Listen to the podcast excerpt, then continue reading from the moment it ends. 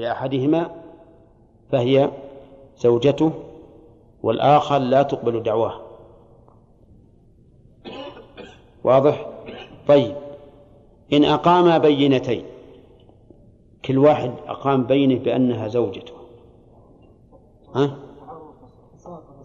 ينظر لا ينظر التاريخ. السابق هو الزوج. السابق هو الزوج ولهذا عندي بالشرح لما كان يقول إن أقام بينتين قدم أسبق النكاحين فإن جهل فقول وليها فإن جهله الولي فسخا ولا ترجيح بيد هذه ادعاها اثنان. إن لم يكن لهما بينة ماذا نقول؟ على المذهب وعلى كلام المؤلف على كلام المؤلف. لا يقبل. لا يقبل. وعلى المذهب نقول يقبل إقراره يقبل إقراره لواحد. أما إذا لم تقر إن أقرت لهما جميعا أو لم تقر بشيء فلا بد من البينة على ما قاله الشارح. ولا تستغربوا هذا الأمر هذا ربما يقع ربما يقع. يقال إن بعض النساء والعياذ بالله تتزوج وهي ذات زوج. حتى أنه حكي أن رجلا تزوج امرأة. ولما خرج من البيت ليسافر بها لحقها أولاد صاع ويتبعونه يتبعونه يتبعونه. لما وصل لما وصل إلى مكان المحطة قال وش هذا وش هذا قالت هذا البزرالي وأبوهم هناك وش أبوهم قالت أبوهم زوجي. فصارت تزوجت وهي ذات وهي ذات زوج. هذا ربما يدعيها الاثنان جميعا. نعم.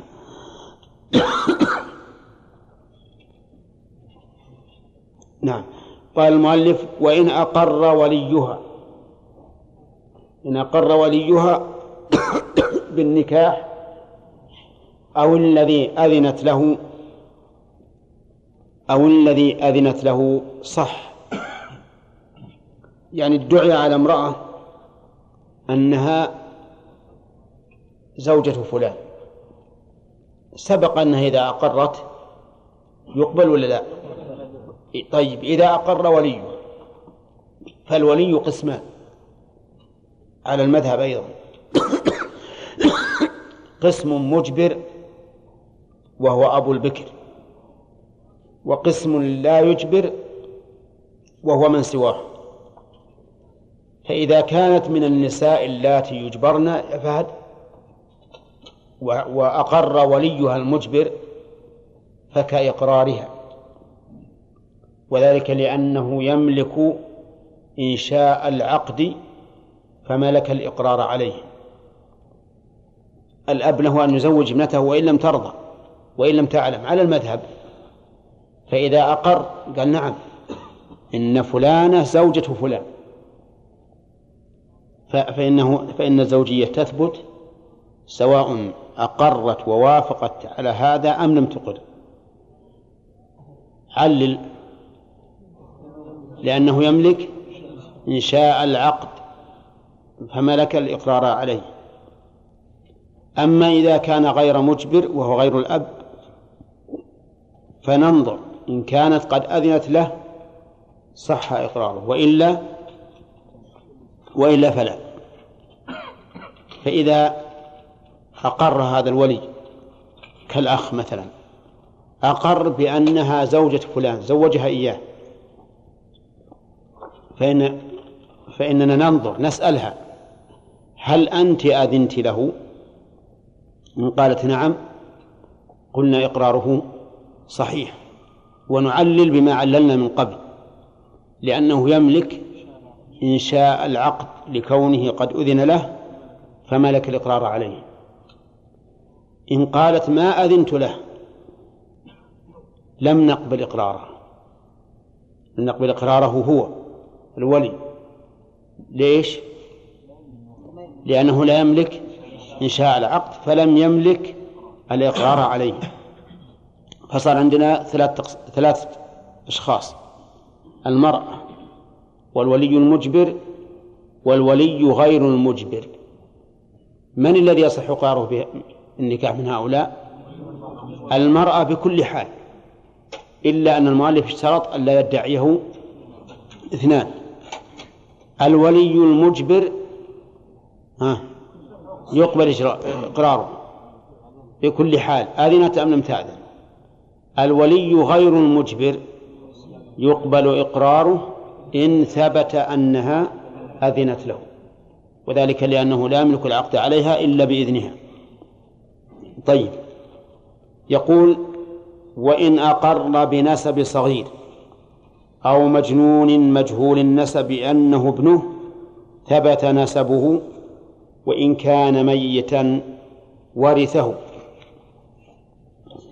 ها؟ نسبه. نسبه. طيب. ها؟ فإن كان. إيه فإن كان ميتا ورثه نعم. إن أقر الفاعل من؟ لا. إن أقر مقر. وقلنا إذا كان ما فيه مرجع بين فيؤخذ اسم فاعل من من المصدر من مصدر الفعل. فنقول إن أقر مقر بماذا؟ بنسب صغير أو مجنون لحقه يعني أقر بأنه ابنه. هذا إنسان معه ولد معه ولد ولد صغير ولد صغير. لم يبلغ. قال هذا ابني. يقول المؤلف يلحقه النسب.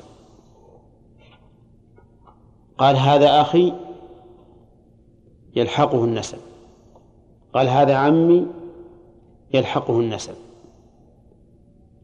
أعرفتم؟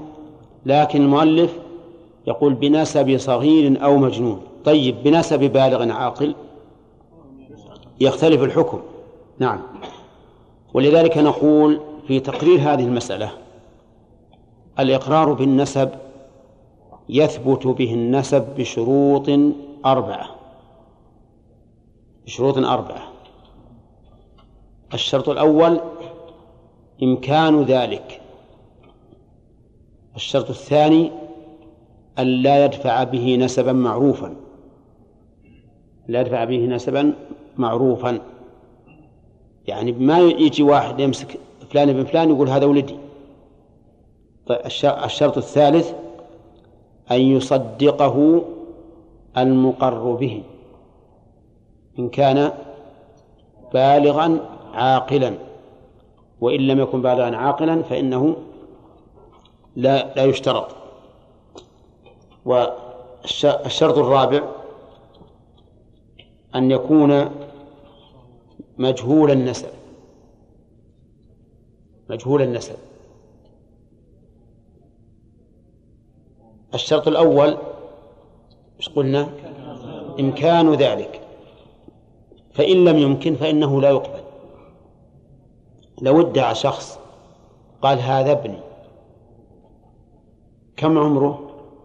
قال عمره عشرون سنة. كم عمرك أنت؟ قال عم عمري خمس وعشرون سنة. ها؟ لا يقبل؟ لماذا؟ لأنه لا يمكن. الذي له خمس سنين ما يمكن يجيه ولد. ولهذا يقال إن واحد عرض تابعيته على الجوازات. وجاءت تبعية ابنه. وإذا ابنه أكبر منه بخمس سنين. لأنه هو كاتب من بعض السنوات. كانوا بالأول. ندري والله لاعتبارات عندهم ها؟ لا يصغرون هذا مصغر هذا مصغر. ولما جاءت تابعة ولده ولها أكبر منه. أنا حدثني بهذا الرجل ما أدري عادها صادقة أو بها نكتة. على كل حال حدثت بهذا. الشرط, الشرط الثالث أن يكون مجهول النسب.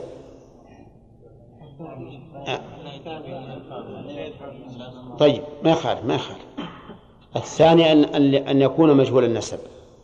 فإن كان معلوم النسب بأن عرف أن هذا الرجل من القبيلة الفلانية. والآخر من قبيلة أخرى. فإنه لا يصدق. لماذا؟ لأنه يدفع به نسبا معروفا. كيف؟ هذا الرجل من القبيلة الفلانية يجي واحد بعيد من غيرهم يقول هذا ولدي. الرابعا أن لا ينفي به نسبا معروفا. كيف لم هذا أخص من الأول. وذلك بأن بأن لا يعرف إن هذا الرجل فلان ابن فلان. فإن عرف بأنه فلان ابن فلان فإن المقر لا يمكن أن يقبل إقراره. لأن هذا يبطل نسبا معروفا ولو فتح الباب لكان كل واحد يعجبه شخص من الناس يقول هذا هذا ابني. الشرط الرابع أن يصدقه المقر به بشرط أن يكون بالغا عاقلا. طيب فإن كان غير بالغ ولا عاقل فإنه لا يشترط أن يصدقه. ولكن هل إذا أنكر بعد البلوغ والعقل يقبل إنكارهما أو لا؟ فيه خلاف بين العلماء. منهم من قال لا يقبل إنكارهما لأن النسب ثبت والنسب لحمة لا يتغير. وإذا كان الولاء وهو الولاء الذي يلحق بالنسب لا يمكن أن ينقل إلى غير من هو له. فكذلك النسب لما ثبت لهذا الصغير المجنون لا يمكن رفعه. ويرى بعض العلماء أنهما إذا أنكرا بعد البلوغ والعقل لم يثبت النسب لأننا اشترطنا تصديق البالغ العاقل وهذان لا يعتبر تصديقهما فإذا بلغ إذا بلغ حصل البلوغ والعقل فوجب التصديق. لكن المذهب أنه ليس ليس بشرط. طيب إذا كان المقر حيا وهو حي كما قلنا أنه مقر ولكن المقر به ميت فهل يرثه أم لا؟ يقول المؤلف وإن كان ميتا ورثه. وإن كان ميتا ورثه. وإنما نص على ذلك مع أنه إذا ثبت النسب ثبت الإرث لأن من العلماء من يقول إنه إذا كان ميتا لا يرثه. ليش؟ لأنه متهم. هذا الرجل مجهول النسب ولا يعرف له نسب. مات وخلف خمسين مليون ريال. خمسين مليون ريال. جاءك الرجل بعد موته قال يا جماعة هذا أخ شقيق لي أخ شقيق ما لي فيه منازع. يلا اعنوا بكل الصحف كل وسائل الإعلام إن جاء أحد.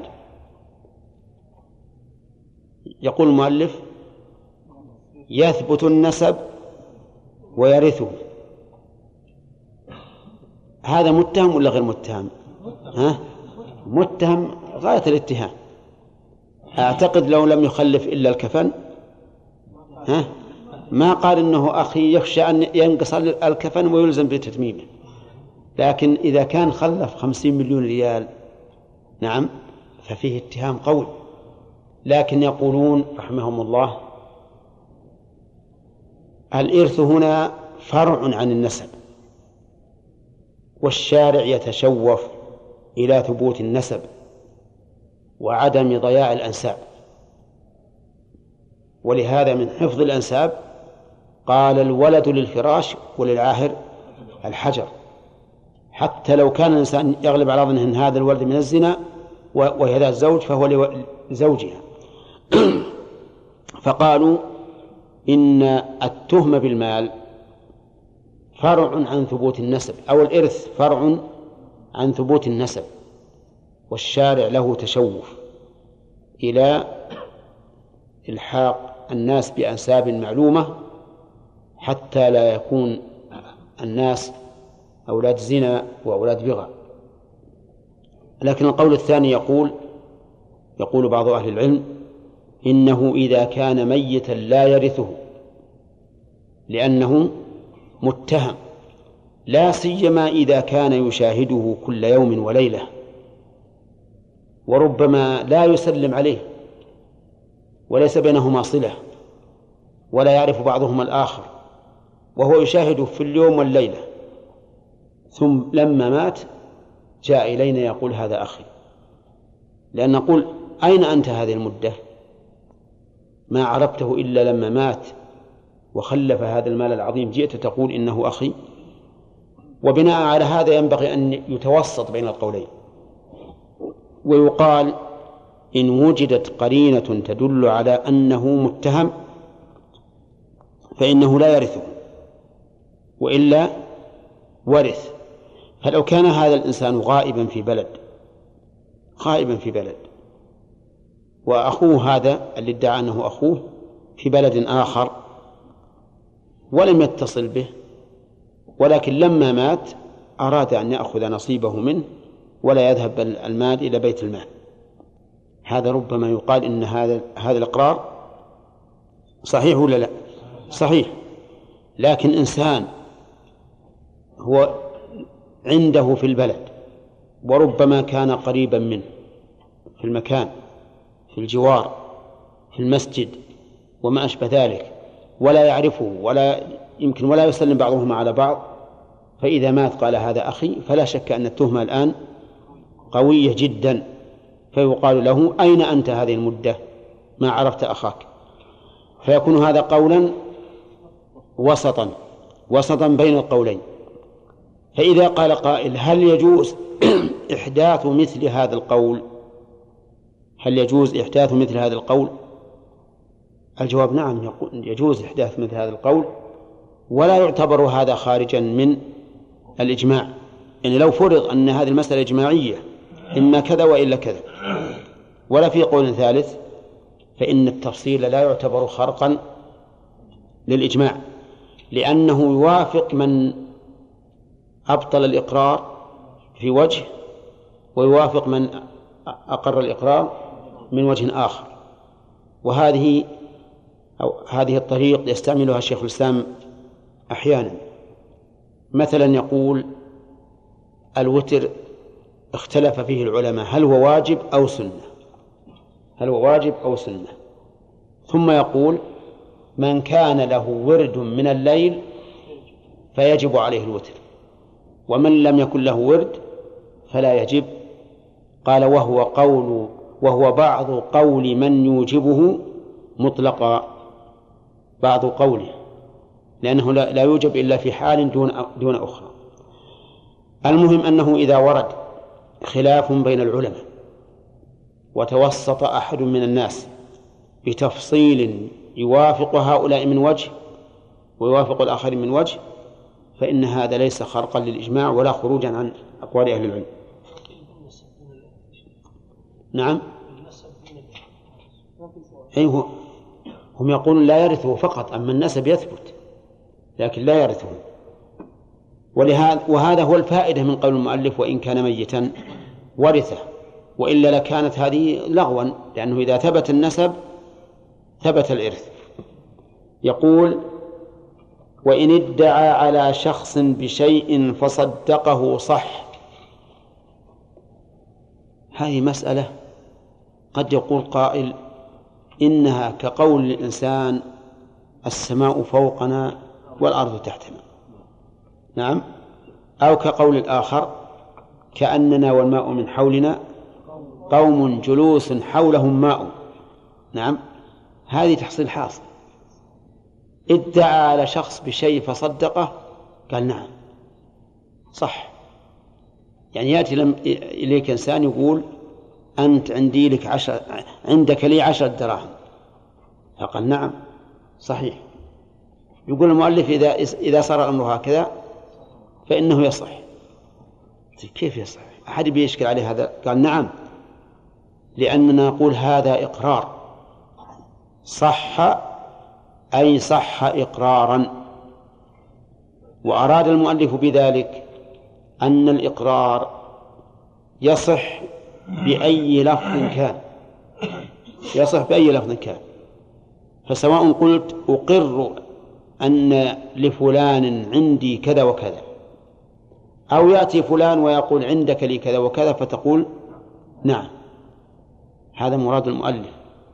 وليس مراد المؤلف أنه يبين لك أن الإنسان إذا ادعي عليه فأقر بما ادعي عليه أنه تصح الدعوة ويعطى المدعي ما ادعاه. لأن هذا أمر واضح ولا إشكال فيه. لكن قصده أنه صح إقرارا. نعم. طيب العطية إذا أعطاك إذا أعطاه أشقى هو أعطاه في حال في حال حياة. لا مرض مريض مرض الموت. لكن في مرض موته أعطاه خرج إيه هو أعطاه في مرض موته طيب. يقول لازم يرجعها. إذا إذا صار وارثا أي نعم. نعم يرجعها على المذهب يرجعها نعم.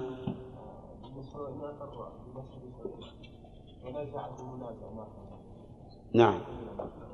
إذا نزع منازع تطلب البينة. فإن لم يكن بينة فإنه يعرض على القافة. القافة الذين يعرفون الأنساب بالشبه ومن ألحقته به لحقه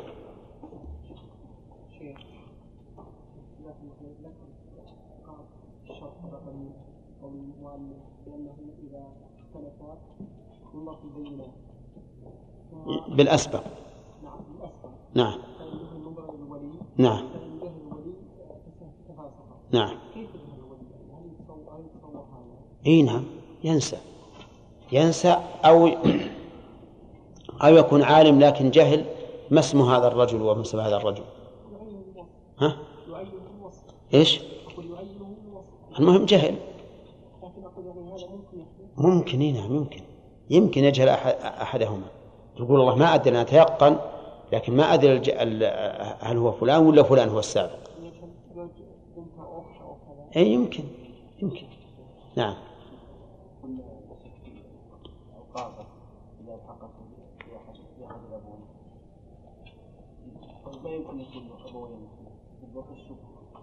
أي نعم المذهب. المذهب يمكن يلحق بأبويه. لكن إذا إذا إذا ألحقته بأحدهما لحقه.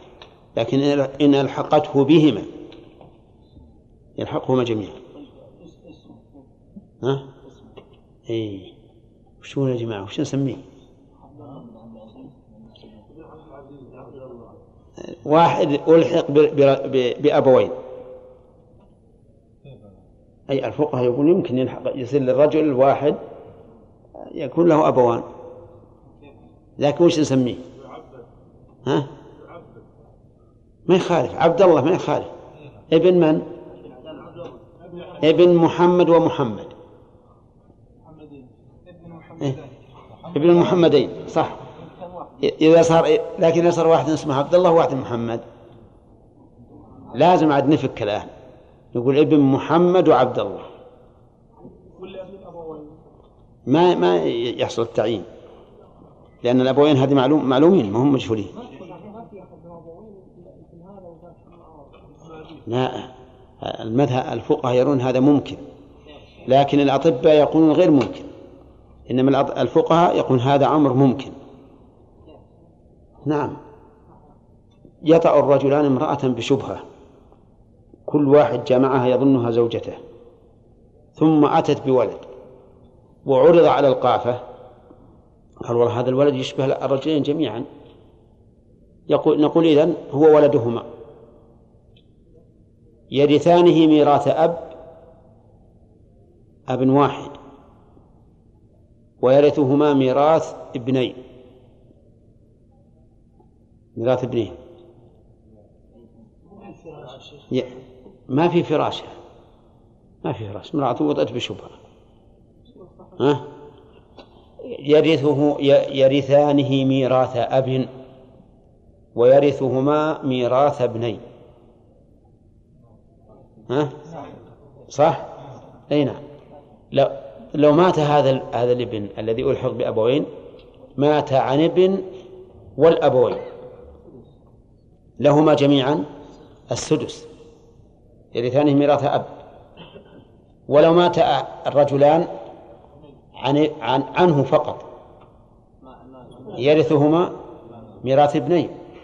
يرث ميراث هذا مال هذا كاملا ومال هذا كاملا وإن كان لكل واحد منهما ابن فهو ابن مع واحد وابن مع الثاني يقسم المال نصفين هنا نعم.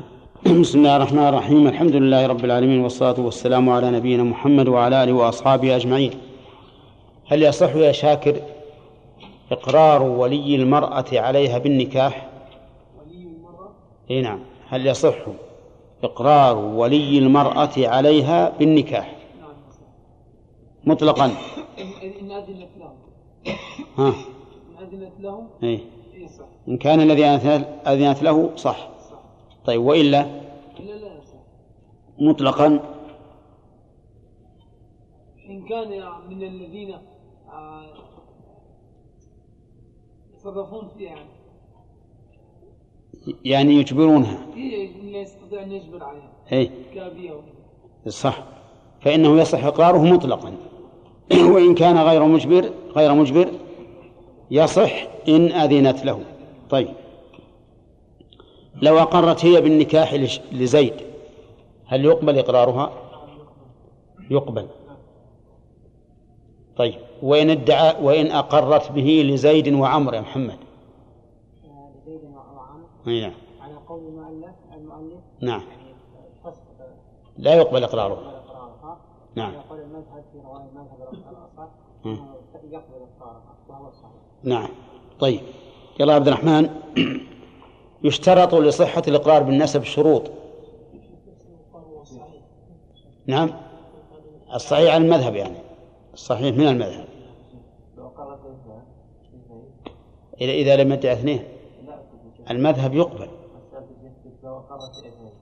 أي هو قال على كلام المؤلف لا يقبل. لا أنت أقرت اثنين إي ما قرأت واحد إي نعم. هذا صح. ادعاه اثنان وقالت نعم نعم. يلا عبد الرحمن.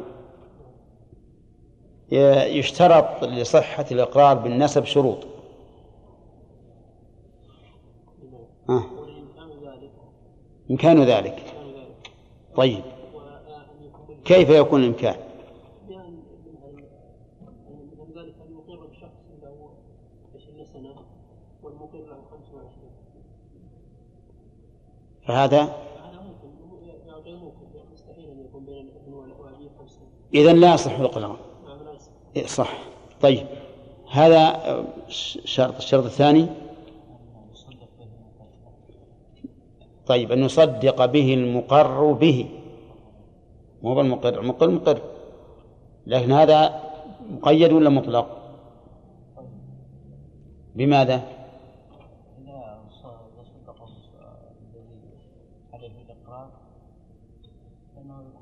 إيه لكن هل هو مطلق؟ يعني لابد من تصديقه على كل حال أو لا؟ يعرف صح. يعني صد- تصديقه إن كان مكلفا بالغا عاقلا. وإن كان صغيرا أو مجنونا فلا يشترط. نعم. يلا شيبة. أن لا يتبعه نسبا معروف ألا يدفع به نسبا معروف مثل؟ مثل أن هذا الرجل ابن فلان معروف قبيلة معروفة. نعم. وي- ويريد أن يلحق هذا الولد من يستلحقه فهذا لا يقبل. طيب. لأنه يدفع به نسبا معروفا نعم. نعم. فإن كان معلوم النسب فلا يقبل. يعني لو عرف ان هذا من القبيلة الفلانية لكن ما يعرف إنه بن زيد فنحن لا نقبل هذا الرجل الذي ليس منه. طيب. هل يرثه إذا كان ميتا يا خالد؟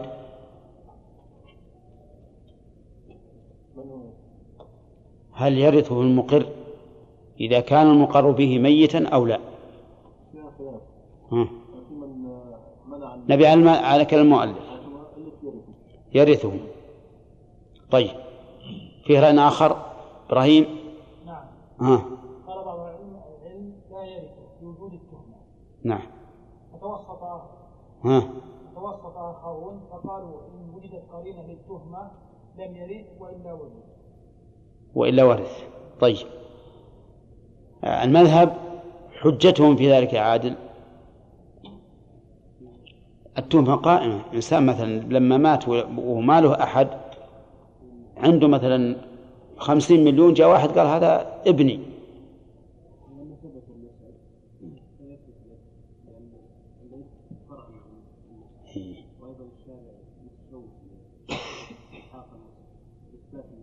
إيه. يعني يقول أن الإرث تبع للنسب. فإذا ثبت النسب ثبت الإرث. طيب. يلا يا فهد. قال المؤلف من ادعى من ادعي عليه بشيء فصدقه صح. وش الفائدة من هذا الكلام؟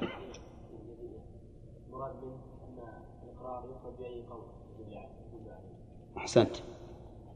مراده أن يبين أن الإقرار يصح بكل بكل ما دل عليه. كذا؟ لو قيل له ألي زيد عندك عشرة ريالات؟ قال برأسه. ها؟ لأنه يصح بكل ما دل عليه. طيب. ثم قال المؤلف فصل.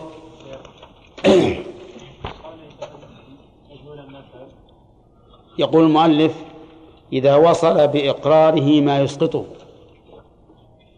إذا وصل يعني ضم إلى إقراره ما يسقطه من الوصل وهو وصل الشيء بالشيء وليس من الوصول ولكنه من الوصل. يعني إذا قرن بإقراره ما يسقطه فهل يقبل أو لا يقبل؟ مثل أن يقول له علي ألف لا تلزمني. فهنا يلزمه الألف. يلزمه الألف. لأن قوله له علي إقرار. ولا تلزمني رفع لهذا الإقرار ولا يقبل أن يرفع ما أقر به. ولا يقبل أن يرفع ما أقر به. فلهذا نقول يلزمه الألف. طيب لو أضاف الألف إلى شيء لا يثبت له عوض. مثل أن يقول له علي ألف ثمن ميتة ثمن خمر ثمن آلة له وما أشبه ذلك. فهل هو كقوله لا يلزمني؟ أو نقول إن هذا ليس كقوله لا يلزمني لكن لا يلزم لأن المعوض ليس له قيمة شرعا. الجواب الجواب الثاني. هذا هو الأقرب. هذا هو الأقرب. أن يقال إنه ليس كقوله لا تلزمني بإمكان أن يبيع عليه خمرا ثم يتوب ولا ولا نعم ويقر قبل أن يسلم الثمن. وعليه فلو أضافه إلى خمر باعه عليه وهو ذمي فإنه يلزمه الألف. يلزمه الألف لأن هذا عوض عن شيء يصح التعويض عنه حيث كان في زمن الكفر. يقول المؤلف لزمه الألف. طيب فإن أقام بينة على أنه له عليه ألف وأنه أوفاه إياه أو ما أشبه ذلك بحيث يصح قوله لا تلزمني ويكون قوله له علي ألف باعتبار أول الأمر ولا تلزمنه باعتبار ثاني الحال. إذا أقام بينة بهذا فإنه يقبل. يقول وإن قال له علي وقضيته أو كان له علي وقض ها؟ لا كيف؟ وإن قال له علي نهب عندكم سذا آه. هذا الشرح وإن قال ك... وإن قال له وإن قال كان له علي وقضيته فقوله بيمينه. عندي كان. وإن قال له وإن قال كان له علي فقضيته. فقوله بيمينه. إذا قال كان له علي وقضيته كان له علي ألف وقضيته. فهنا إقرار وادعاء ما هو الإقرار يا فهد؟ كان له علي. الدعوة وقضيته. فهل نقول إن الرجل ثبت عليه الألف بإقراره ولم يثبت القضاء لأنه ادعاه؟ وعلى بينة المدعي. المؤلف يقول لا. لا يلزمه الألف الألف لأن هذا لا يتناقض. كان له علي وقضيته صح. ممكن أن يكون له عليه وقضاه. فلما لم يكن قوله متناقضا أخذنا بقوله لأن هذا لا يثبت لأن هذا الألف لم يثبت إلا بإقراره. لم يثبت هذا إلا بإقراره.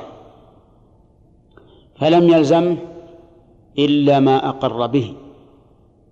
انتبه. يعني إذن هذا الرجل نأخذه بما أقر. وهو أقر بكلام لا يتناقض فيكون القول قوله فإذا قال كان له عليه وقضيته فقوله يقول المؤلف قوله بيمينه يحلف أنه قضاه ويبرأ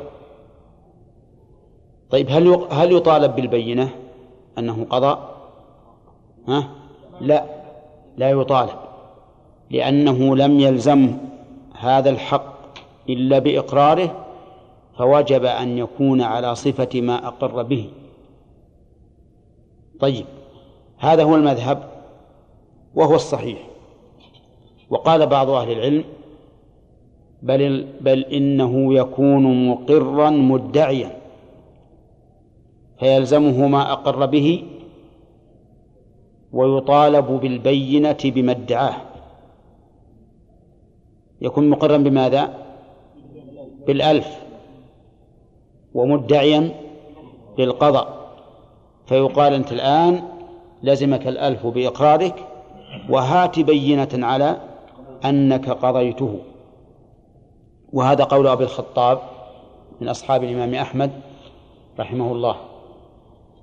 ولكن المذهب في هذا أصح وحجتهم ما سبق.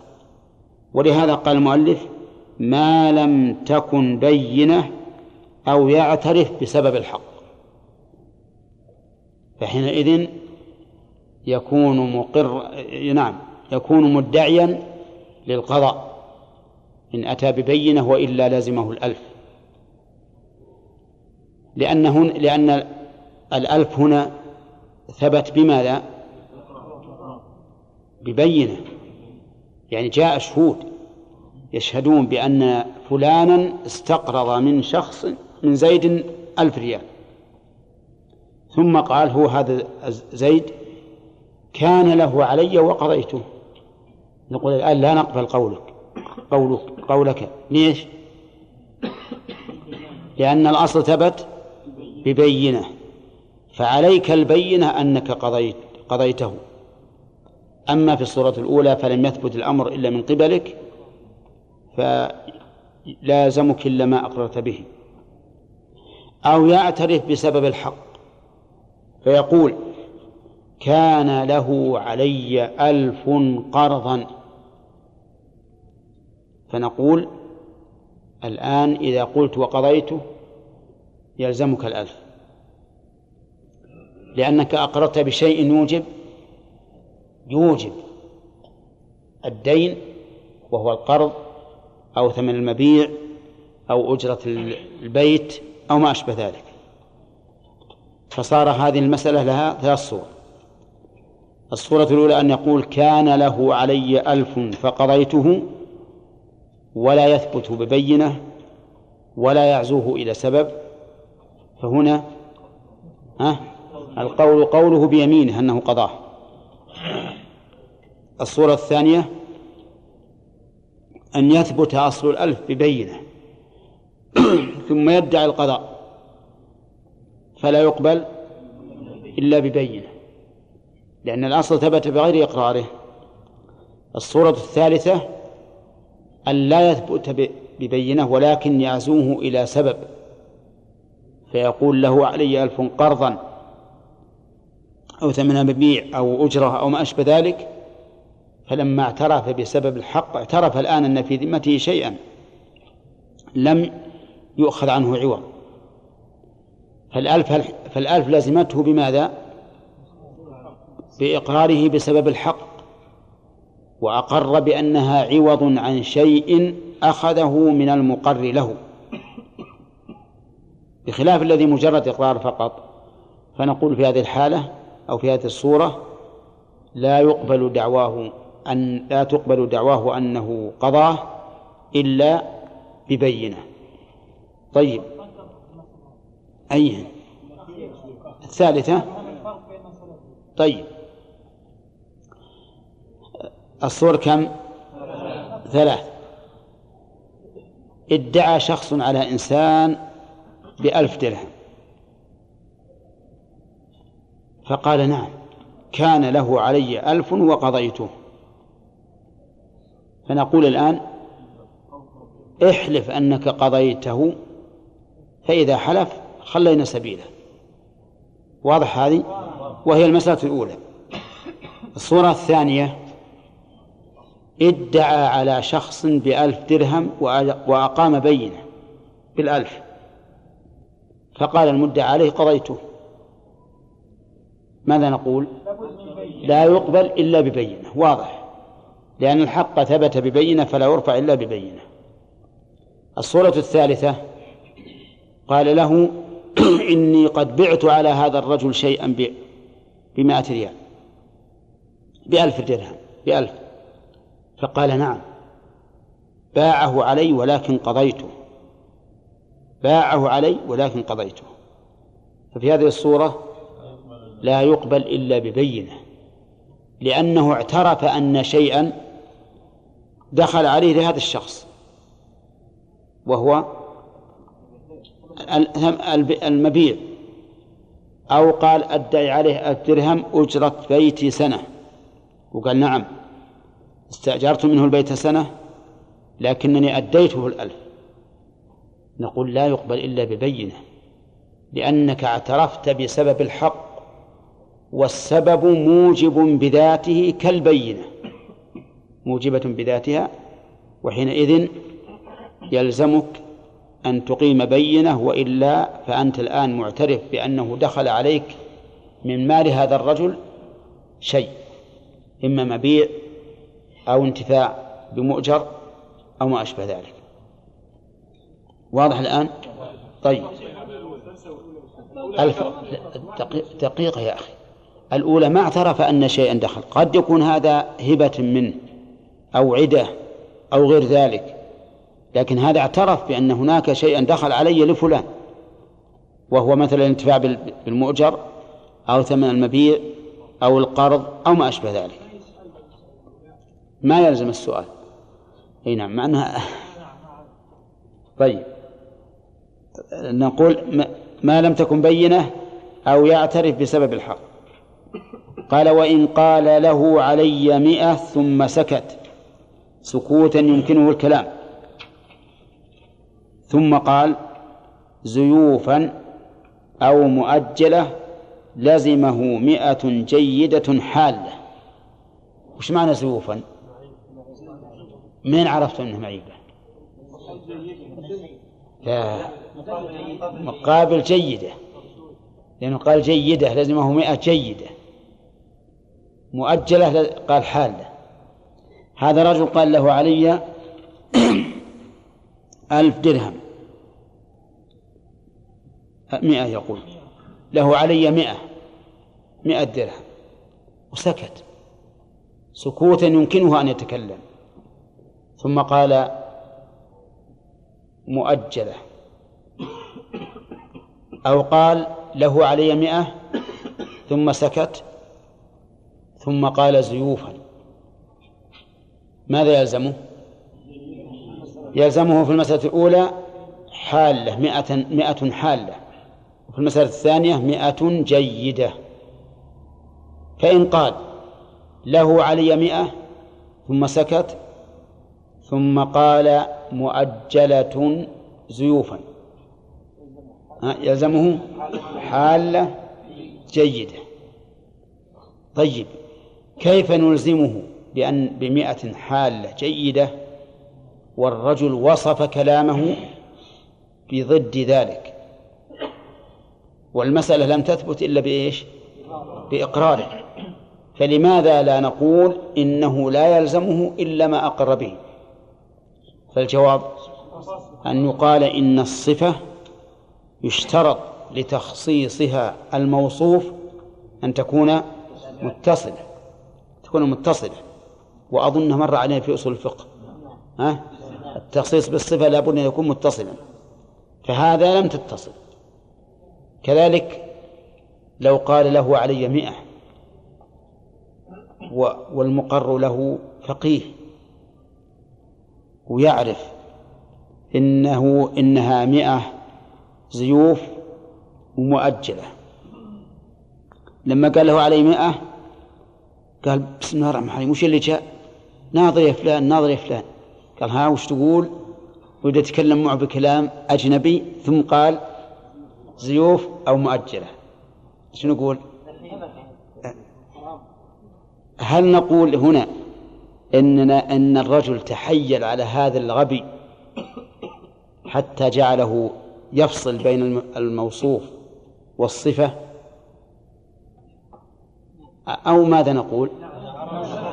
إذا علمنا نعم إذا علمنا هذا بأن الرجل تحيل عليه وأنه ما في شيء ما في لا أحد جاء ولا أحد أغار ولا ولا نار ولا ماء ولا شيء. نعم.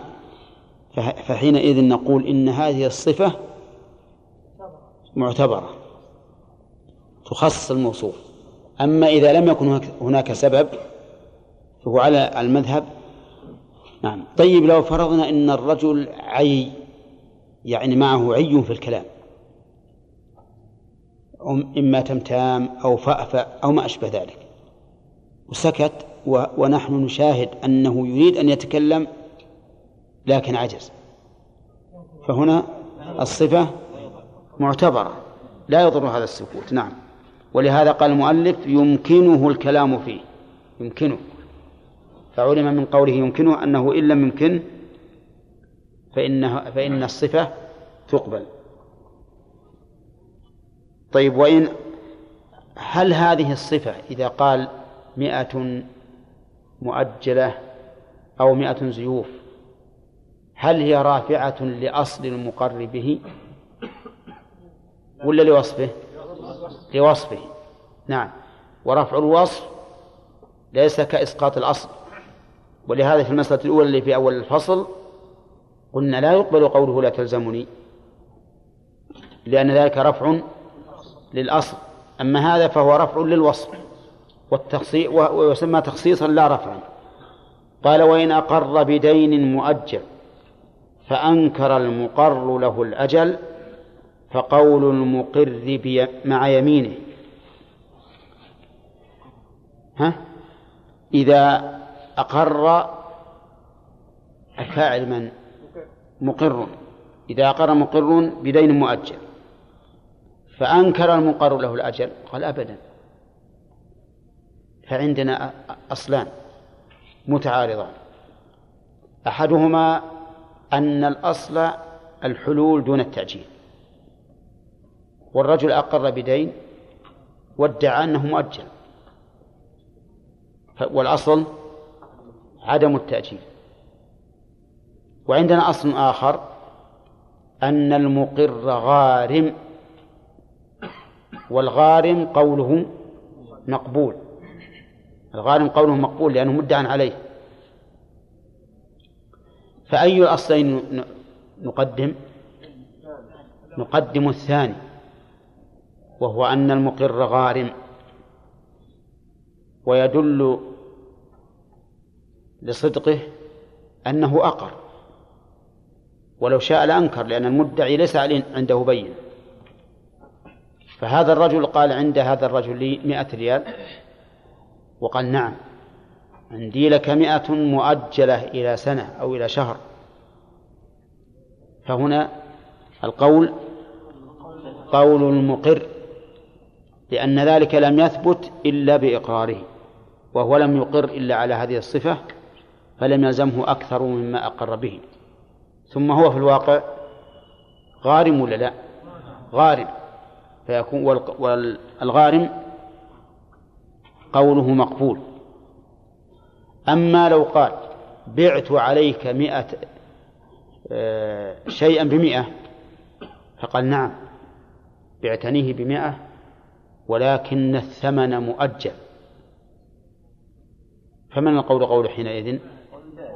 القول قول البائع. لأن الأصل عدم التأجيل. الأصل عدم التأجيل. وهذا الرجل أقر بأنه باعه عليه ولكنه ادعى أن ثمن مؤجل فلا يقبل. طيب يقول وإن أقر بدين مؤجل فأنكر المقر له الأجل فقول المقر مع يمينه. شوف وانتظر يعني انظر كل من قلنا القول قوله ها؟ فقوله بيمينه لعموم الحديث البينة على المدعي واليمين على من أنكر. قال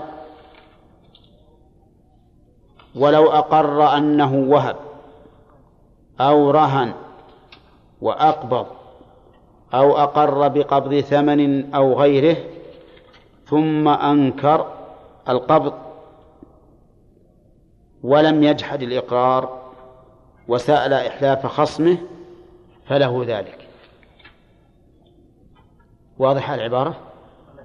ها؟ طيب. نأخذها مسألة مسألة. إن أقر أنه وهب وأقبض. هو عندكم سداء لا أورها ما يخل المسألة الثانية. وهب وأقبض. يعني قال إني وهبت هذا الكتاب زيدا وأقبضته إياه. وإنما أردف قوله وأقبضته إياه من أجل أن تكون الهبة لازمة. لأن الهبة لا تلزم إلا بالقبض.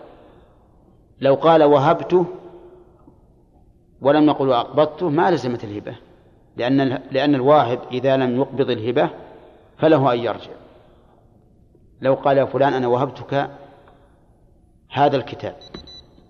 ولكن ما أقبضه إياه فله أن يمنع. له أن يمنع الهبة ولا يقبضها.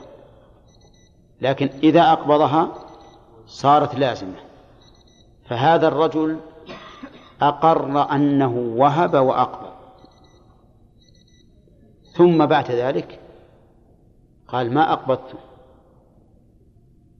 قلنا ألست قد أقررت أنك وهبت وأقبضت؟ قال بلى. ولكني ما وهبت ما ما ما أقبضته ثم قال حلفوه. حلفوه. حلفوه أنه لم أنه قبض. لأن الموهوب له الآن يدعي أنه قابض من أجل أن تلزم الهبة. المقر يدعي أنه لم يقبض من أجل ألا تلزم. هو قال المقر اسألوا حلفوه أني أقبضته؟ وعلى كل تكون الهبة لازمة. يقول المؤلف له ذلك. أنتم فاهمين هذه المسألة؟ طيب. سيقول الخصم لا أحلف. كيف أحلف على شيء هو أقر به؟ ألين يقر عندك أنه قال وهبت وأقبضت. وش الجواب؟ بلى. إذا يقول ليش تحلفون؟ لماذا تحلفون؟ تحلفونني على شيء أقر به خصمي؟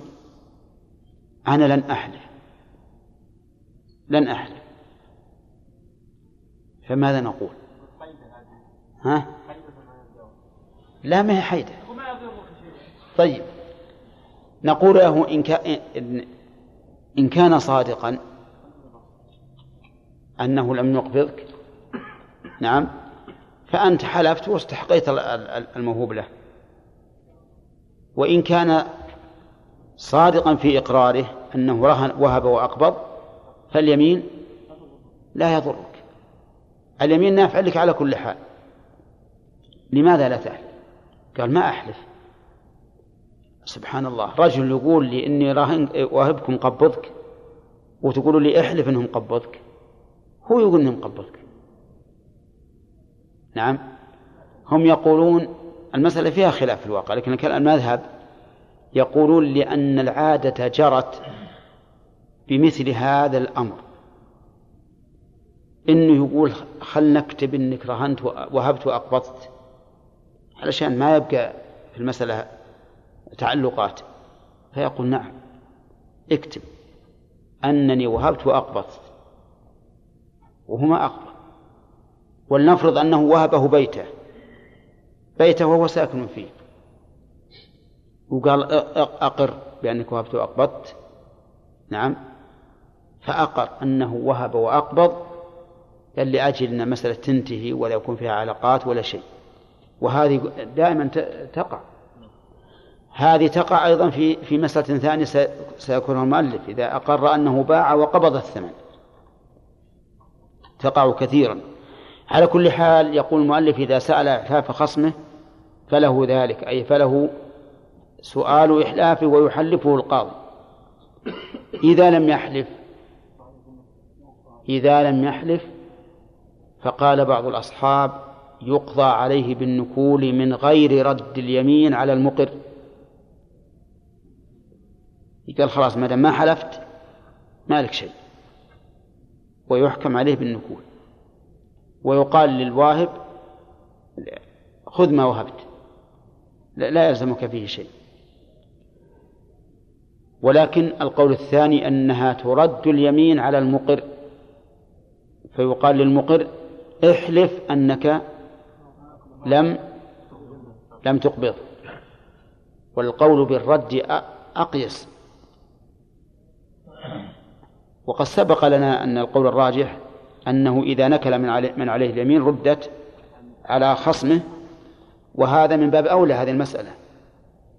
هذه المسألة من باب من باب أولى أن ترد على خصمه لأن خصمه قد أقر بأنه أقبض. ولا يرفع هذا الإقرار إلا إذا حلف بأنه لم لم يقبل. أدري كلام عربي ولا عجمي؟ ها؟ مفهوم؟ طيب. على كل حال الآن ناخذ هذه المسألة وذلك إن شاء الله للدرس القادم. المسألة هذه الآن أقر فلان أنه وهب زيدا كتابا وأقبضه إياه. ثم بعد ذلك أنكر قال ما أقبضتك؟ فاختصما إلى القاضي. فسأل القاضي المدعى عليه وهو الواهب أوهبته وأقبضته؟ قال نعم أنا أقررت بأني وهبته وأقبضته لكني أقول الآن ما أقبضته. ثم يقول الموهوب له إذن الهبة لازمة لأن الواهب أقر بإيش؟ بأنه وهب وأقبض فالهبة لازمة فأعطوني ما, ما, ما وهب لي. فقال الواهب الذي أقر بأنه وهب وأقبض حلف يقول القاضي حلف حلف وأنه لم أنه قبض. نقول له ذلك؟ أه له ذلك. فإذا قال المقر له كيف أحلف على أمر أقر به خصمي قلنا لأن لأن ما ادعاه محتمل. فقد يقر الإنسان بأنه وهب وأقبض من أجل إنجاز الأمر وعدم التعلقات به وإن كان لم يقبض ثم نقول له ماذا يضرك إذا حلفت؟ إذا كنت صادقا فأنت بار. إذا كنت صادقا فأنت بار. وإن وإن كنت كاذبا فلن تحلف. على كل حال إذا حلف استحق. ولا لا؟ وعملنا بإقرار الواهب وقلنا له أنت واهب ومقبض.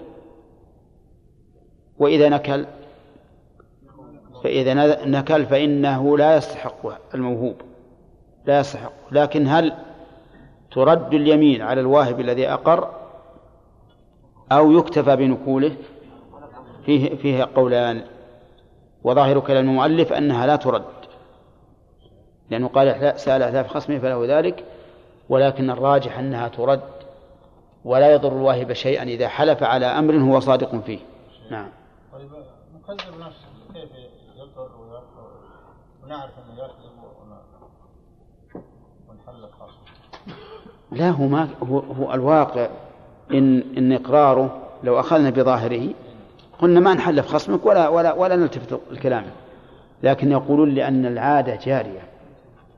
بأنه ربما يقر هذا من أجل إنهاء الهبة وقطع العلاقات. وهذا يقع كثيرا في في غير الهبة يقع في في البيوع. يعني يجون مثلا عند المكتب عند المكتب. يبيع عليه مثل بيته ألف فهمت؟ ويسلمه خمسين. ويقول له مثل كاتب العدل ما يقبل. ما يقبل أن يفرغ. إلا بتسلم الثمن كامل. اكتب إقرارك بأنك استلمت الثمن كامل وأنا إن شاء الله أجيبه لك. هذا يقع ولا لا؟ يقع. كتب له بأني بعت عليها البيت الفلاني بمائة ألف وقبضت الثمن. ثم بعد ذلك أنكر. قال أنا ما أنكر الإقرار أنا مقر لكن أنكر القبض ما قبضت الثمن. لكن يقبل عند مثل هذه الصورة البيع البيع. تام البيع ما في إشكال لا البيع. لا أقول يقبل أنه سلم أنه سلم ما سلم إلا نصف الثمن ولا إي نعم إذا قال حلف إن إنهم سلما كل الثمن يحلف. حتى على المذهب. حتى على المذهب وستأتينا إن شاء الله. حتى على المذهب. وهذه وقعت هذه وقعت وتقع كثيرا. وقعت وتقع اثنين نعم ذاك ذكر المؤلف بانه اذا كان يمكنه كان فيه ثم قال البيوت يعني هذا الضابط. لا يطلبه كثير من الناس. لا إيش؟ لا يغضبه كثير من الناس. لا يعلم يفهمه؟ اي نعم كثير من الناس. ليش؟ لا يعني اتصال. اتصال الصفه في اي إيه نعم اذا صار يمكن الكلام؟ لا يعني هذا طيب. ليش له كثير من يعني من يعرفون نعم. من يعرفون ها؟ يعرفون الناس في التعامل يعني في العقارات وفي السيارات دائما إذا سكت انسان تكلم بكلام ثم سكت متهم. إيه. غالبا متهم وإذا أضاف شيء بعد السكوت. إذا تعارض القولان. والله يا شيخ هو كيف هذا طيب. ربما يطلب المسألة كثير من الناس ما يعرف الاتصال والانفصال يعني الآن هذه لا واحد. مش يبعد عامة الناس. لا ما هذه هذه مسألة ما هي أصولية في الواقع أصولية عرفية لأنه اللي قال له علي مئة ثم سكت ثم قال مؤجلة. ليش ما قال مؤجلة من الأصل؟ نعم إذا شفنا أن الرجل شرق بريقه أو أخذته سعلة أو أخذه عطاس شيء ثاني. الآن في بعض الناس شيخ إذا بدأ يتكلم الكلام تقصير يتكلم كلمة ومن يشرب له فنجان قهوة وهم من أوه وين هذا؟ هذا مشكلة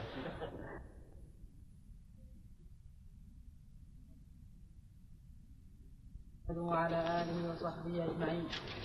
قال المؤلف رحمه الله تعالى وإن أقر أنه وهب أو رهن وأقبض أو أقر بقبض ثمن أو غيره ثم أنكر القبض ولم يجحد الإقرار فسأل إحلاف خصمه فله ذلك وإن باع شيئا أو وهبه أو أعتقه ثم أقر أن ذلك كان لغيره لم يقبل قوله ولم ينفسخ البيع ولا لغيره ولا غيره.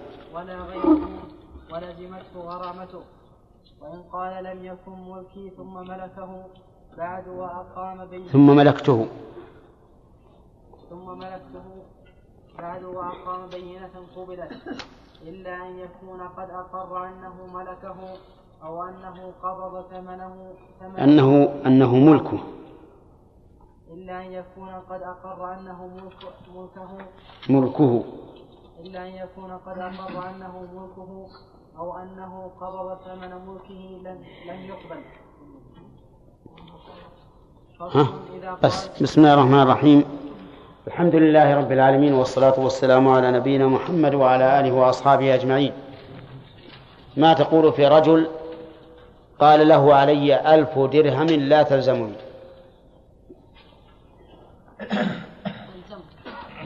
لماذا؟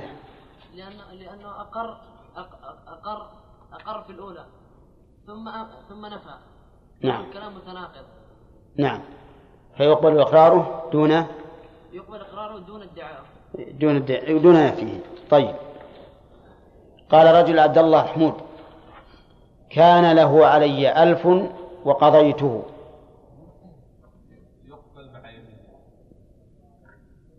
ألا يكون هذا إقرارا ل- للرد؟ للقضاء لكنه أتى بكلام لم يتناقض وقد علم من طريقه فيقبل قوله مع يمينه لأن الكلام نعم. صح. يستثنى من ذلك مسألتان. شاكر. يستثنى من ذلك إن ثبت الأصل ببينة نعم. أو بسبب الحق. أو أقر بسبب الحق. مثال بين سلطان مثال البينة نعم. أن يكون هذا الشيء ثبت ببينة أن يكون مثلا أقر بهذا الشيء وثبت عليه ببينة. ثبت الإقرار ولا ثبت الحق ثبت إقراره ببينة. ويقول ما أنكرت أنا أقول الآن مقر نعم مثلا يكون باع باع على إنسان أو. يكون مثلا أعطاه شيء رجل آخر فأقر بهذا الشيء ببينة. أدعى عليه الآخر ببينة فثبتت في حقه وأقر بها. زين. فلا تنفع عنه إلا إذا أتى ببينة. يعني معناه أن- أنه ثبت عليه الحق ثبت عليه الحق. ها؟ ببينة. ببينة. ثم ادعى أنه قضاه. فلا يقبل. كذا؟ طيب واضح. اعتراف بسبب الحق مثل يعني له علي ألف قرضا أو ثمن مبيع أو أجرة دار كذا فهنا لا يقبل قوله بأنه قضاه لأن الحق ثبت بسبب ظاهر بين. طيب. المؤلف رحمه الله يقول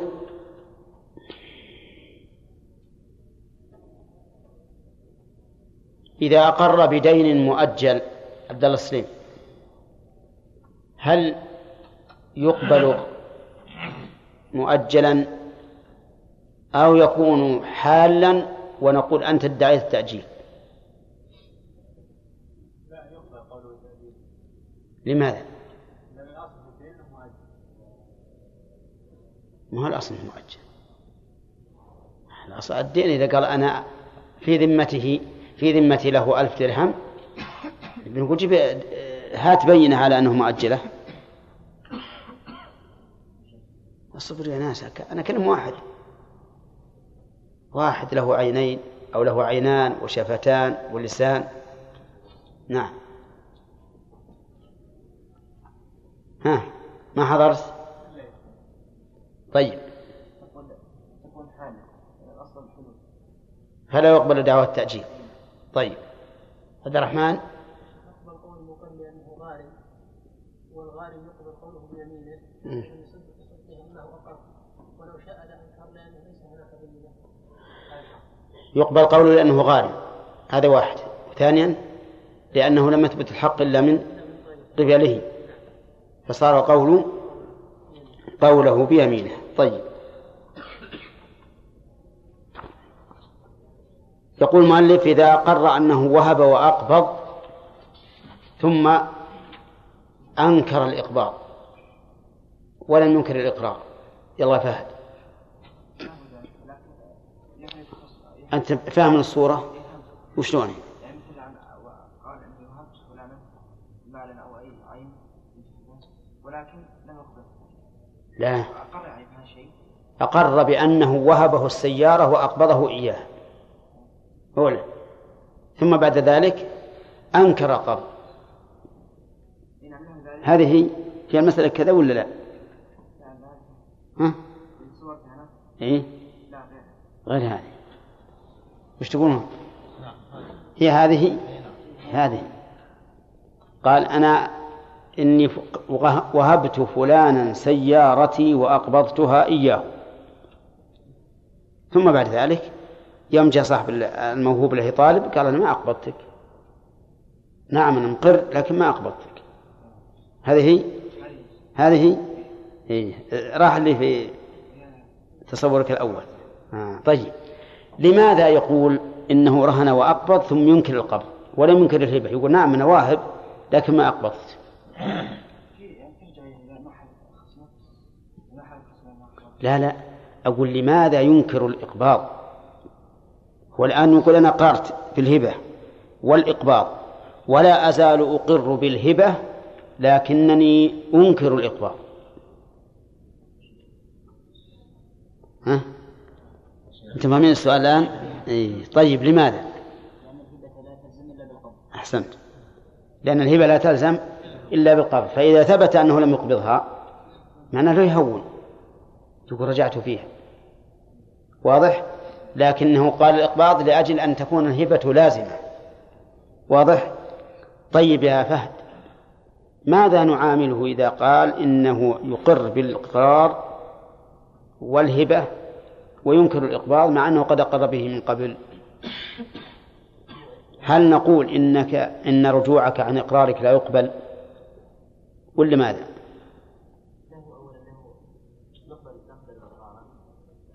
الإقرار نقبله. ونقول الهبة لازمة الآن. طيب.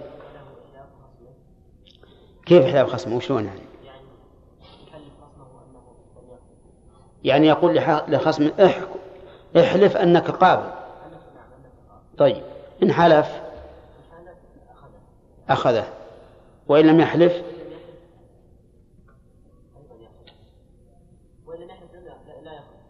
لا يأخذه طيب هل يحلف هذا المقر ولا لا؟ ال- ال- الآن الخصم ما حلف. قال والله ما أحلف. أحلف على إنسان يقر لي وأروح أحلف؟ ما أنا بحالف. قلنا الآن نكلت عن اليمين. ها؟ فهل تكون الهبة لازمة ولا غير لازمة؟ أصبر. المقر هذا الذي أقر وأنكر الإقباض. إذا حلف أخذها وإن لم يحلف لم يأخذها. تثبت اله- الهبة للمقر له. واضح يا جماعة الآن؟ ها؟ واضح. إي رد وعيل حلف. اللي أنكر الإقباض اللي هو الواهب عيل يحلف تبقى للموهوب له للموهوب له يا إخواني. ما يخالف نوضحها. أقررت بأني وهبت فلانا سيارة وأقبضتها إياه. تمام؟ طيب. ثم بعد ذلك أنكرت الإقباض. لأجل ان ان أن تكون الهبة غير لازمة. طيب. فقال صاحبي الذي وهبت له السيارة ما يقبل إنكارك. لا أقبل إنكارك. أنت الآن أقررت ولا عذر لمن أقر. قال احلف إني مقبضك. احلف إني مقبض مقبضك السيارة وهذه هذه السيارة. عرفتم ولا لا؟ إذا حلف أخذ السيارة. إذا لم يحلف إذا لم يحلف فإننا نقول للذي أقر وأنكر الإقباض نقول احلف أنك لم تقبضه. فإن حلف أخذ فالسيارة له مهب للموهوب له. وإن لم يحلف ردت على الموهوب له.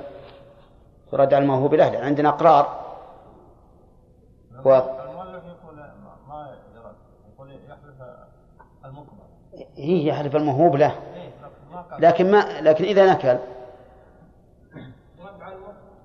إذا نكل.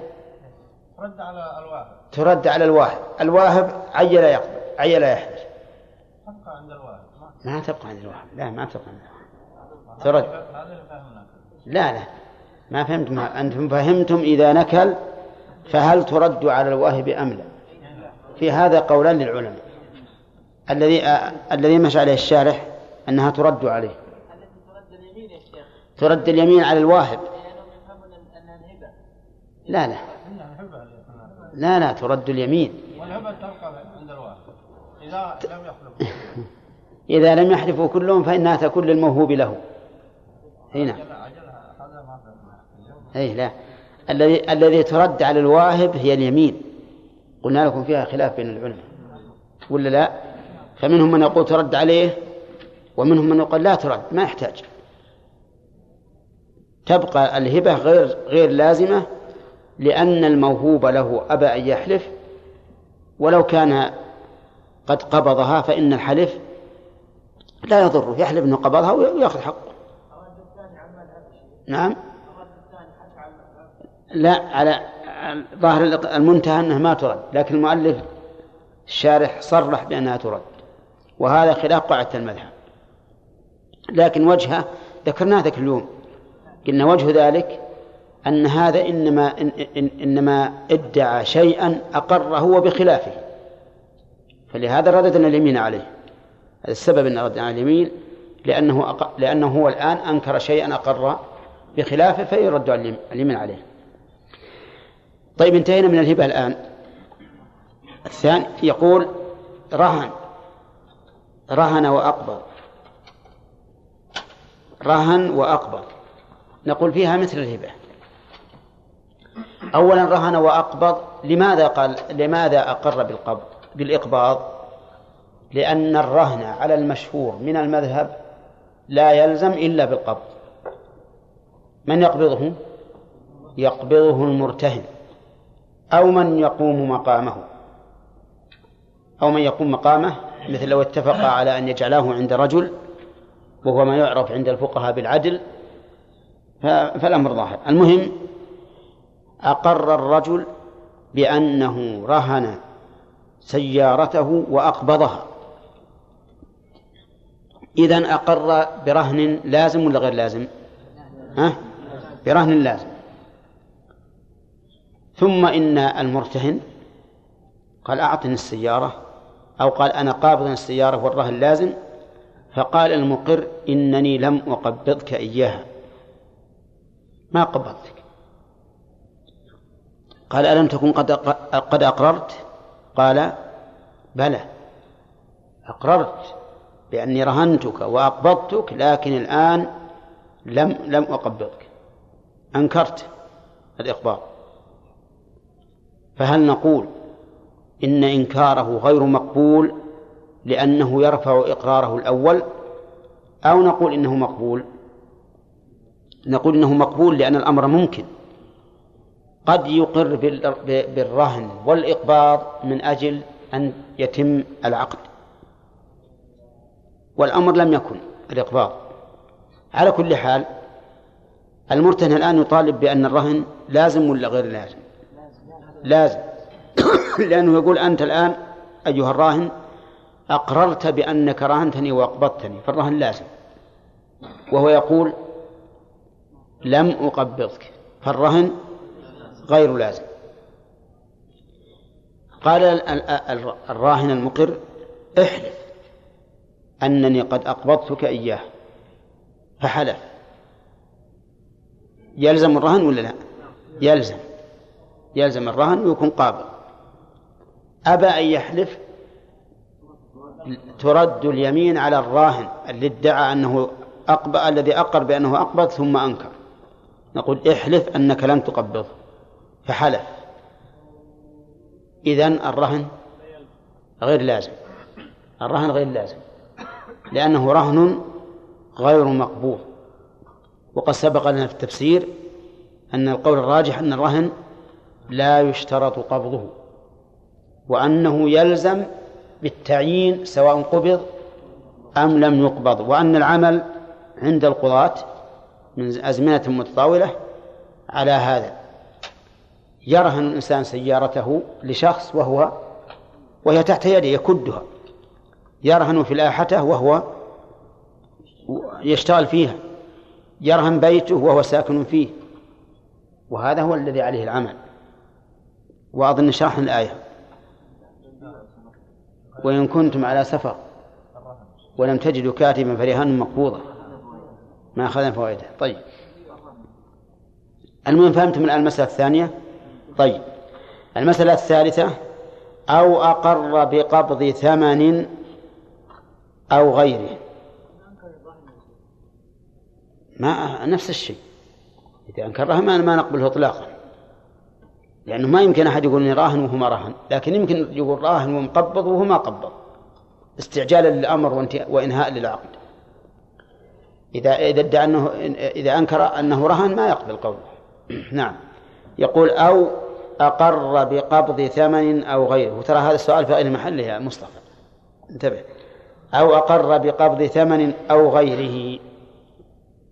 ثم أنكر القبض في مسألة قبض الثمن والإقباض في مسألة الهبة والرهن ولم يجحد الإقرار وسائل على خصمه طيب المسألة الثالثة أقر بقبض الثمن. باع عليه بيته بعشرة آلاف ريال. وذهب إلى كاتب العدل. وكان من عادة كاتب العدل أن لا يفرغ حتى يكون الثمن قد استلم قد استلم لئلا تبقى المسألة معلقة. فقال البائع اكتب. أنني بعت وقبضت الثمن كاملا. فكتب كاتب العدل كتب كاتب العدل ثم بعد ذلك بعد أسبوع عشرة أيام جاء البايع إلى المشتري وقال أعطني القيمة. قال انتظر اصبر. راح. بعد مدة جاء قال أعطني القيمة. قال انتظر. ذهب وانتظر. بعد مدة جاء وقال أعطني القيمة. هذا ممكن ولا غير ممكن؟ ممكن. يماطل. لما طالت المدة جاء لمه أعطني. أعطني ثمن البيت. كم من ريال؟ كم كم قلنا؟ عشرة آلاف. هم مئة ألف قلنا عشرة آلاف. نعم. نعم. طيب. قالوا تعال. أنت خبل ولا عاقل؟ قال أنا عاقل وبقيمة بيتي. قال وش تقول بهصك؟ تقدح بكاتب العدل؟ فبهت الرجل. لأنه أقر وشو بأنه استلم الثمن. ومن كاتب عدل من جهة مسؤولة. أعوذ بالله. هذا سقط بيده ماذا يصنع؟ قال تعال.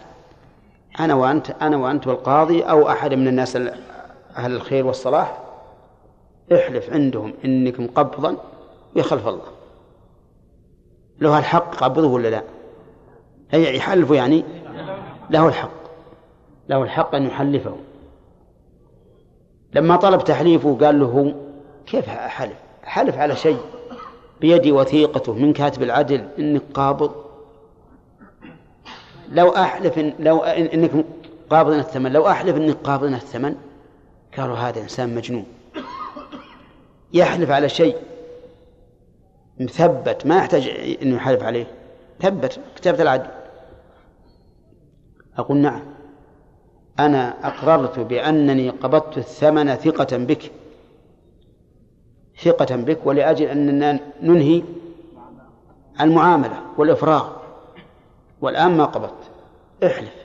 إذا حلفت تحمل يوم القيامة. إذا أبى أن يحلف فالقاضي يرد اليمين على البائع ويقول احلف أنك لم تقبض الثمن.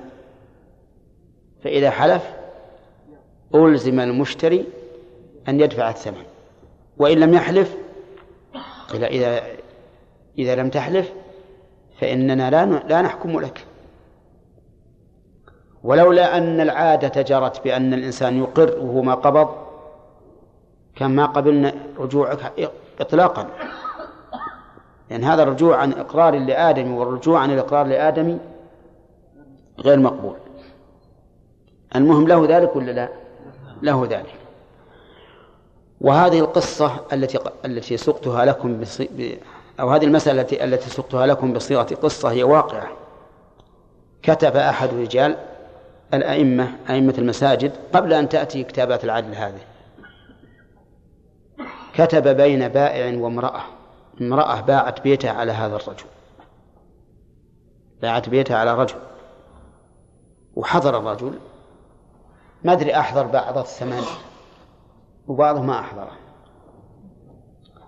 قال للكاتب الكاتب أحد أئمة المساجد عندنا معروف. قال للكاتب أنا إن شاء الله يجي ولدها في الدكان العصر وأعطيه بقية الثمن أو أعطيها الثمن كله. النسيان مني أنا. هل هو الثمن كله أو بعض المهم اكتب إنه إنه ثمن مقبوض ولم يبقى للبائع حق. ولا علقة بالمبيع. وكتب. قال وش تقولين؟ قالت والله نعم. أبو فلان إن شاء الله وافي. قال اكتب. باعت بيتها على فلان ابن فلان وقبضت الثمن تاما وليس لها علاقة بوجه من الوجوه. هذه المرأة سليمة قلب. لما كان العصر أرسلت ولدها. إلى الرجل. قال له يا ولدي اليوم ما بدرت شيء. تعرفون الدروج؟ ها؟ ما في الدرج شيء. جاء لمهم بكرة وبعد مضى عدة أيام. قال له أنت شو؟ هذا كتب فلان بن فلان ثقة. بأنكم قابضين الثمن يا ولدي. يمكن أمك خرفت ولا صار فيها شيء. نعم. أبدا ما ما ما لكم شيء. يا ابن الحلال يا ابن الحلال. قال أبدا أنت ما أنت بتقرأ شوف الكتب كتب فلان من فلان. معتمد. عمدة للبلد. ذهب إلى أمه وأخبرها بالخبر. المسكين سقط في يدها. لكن كان القاضي قاضيا حقيقة حاكما. ترافعوا إلى القاضي. القاضي عرف أن المرأة ضعيفة وأن الإنسان مهما بلغ قد يغويه الشيطان ويلعب به. تحاكموا عند القاضي وهو قاض واسمه القاضي. نعم تحاكموا عند القاضي. فقال للرجل أعطنا المكتب يمضي المكتب ولا كتابة فلان بن فلان ثقة. على أنه واصل حقه. إيه فكر وقال لهم روحوا. انصرفوا من اليوم. وهات المكتب. ولا صار بكرة أو بعد بكرة إيتوا لمي أخذ المكتب. ودعا الكاتب. قال تعال. هذا خطك قال نعم. قال أنت شايف أن الثمن معدود بيدها؟ وأنتم حاضرين؟ قال لا والله. لكن أقرت عندي وش؟ ولا قلت. لما أقرت كتبت أن الثمن واصل. قال لي لا عمرك لا عمرك تعود له لا تكتب إنه قبض الثمن إلا إذا شاهدته قد قبضه. قد قبضه أما مجرد إقرار لا لا تشهد بهذا لا تكتب إنه قبض اكتب على حسب ما قررت. فصار في هذا مصلحة مصلحة عامة. علم الكاتب كيف يكتب. ويوم إنه جولة من باكر ومن بعده قال تعال.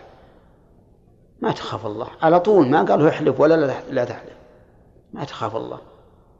تاكل حق بنت الأجواد هذه. لما وثقت بك وآمنتك. اتق الله وخف من الله. خوفه من الله. بعدين قال والله يا شيخ الله يجزاك خير وينقذك من النار. الحقيقة أني ما أعطيته شيء. ما أعطيته شيء. قال بسم الله. وما ياخذ ورقة الشيخ وقطع أمامهم قال له رح رح أعطى حقه وخلى أحد يكتب وهو شاهدك تعد لها القروش. أي نعم. المهم من هذه المسألة ممكن تقع ولا لا؟ ممكن. ممكن يقع أن الإنسان يبيع ويقر بقبض الثمن وهو ما قبض شيء. فإذا حلف فإذا طلب إحلاف المشتري فله فله إحلافه. فإن نكل ردت على المقر وأخذ مد وأخذ الثمن. نعم طيب. وقوله بثمن أو غيره أقر بقبض ثمن أو غيره.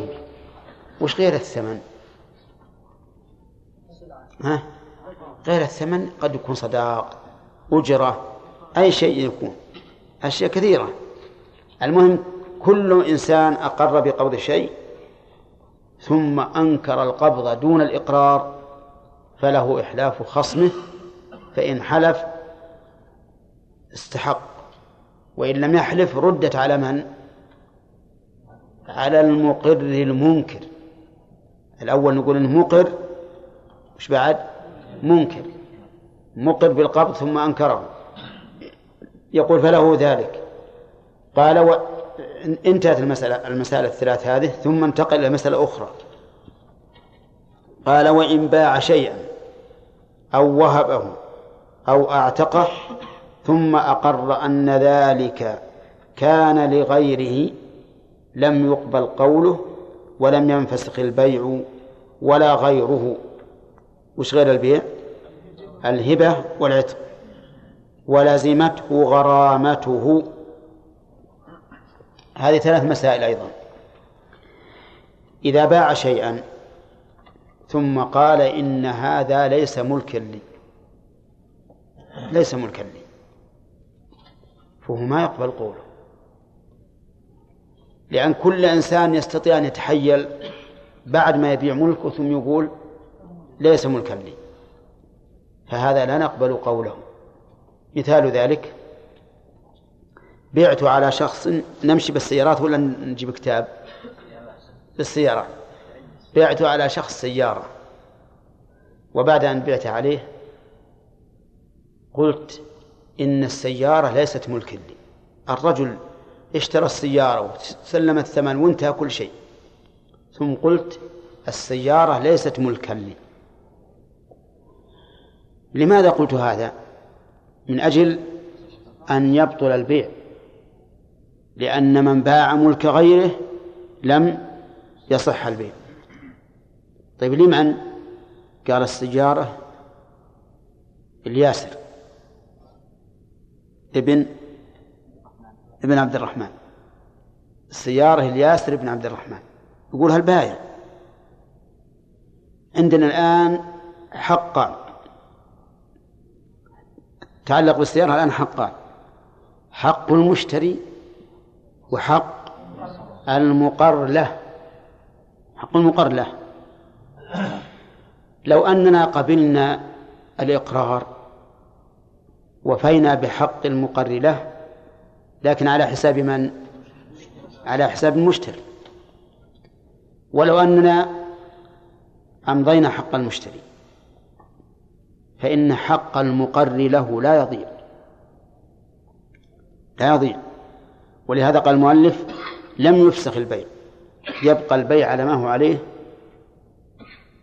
ولكن يلزمني قيمة السيارة للمقر له وهو ياسر. لأني قررت الآن أن السيارة هذه لياسر وأني تصرفت فيها وليست ملكا لي فيلزمني ضمانها. واضح يا جماعة؟ طيب. إذا قال قائل لماذا لا يفسخ البيع؟ لأنه إقرار على حق الغير فإن المشتري إيش؟ ملك السيارة ظاهرا. ملك السيارة ظاهرا فلا يقبل إقراره عليه. لكن إذا صدق المشتري البائع فحينئذ ينفسخ البيع.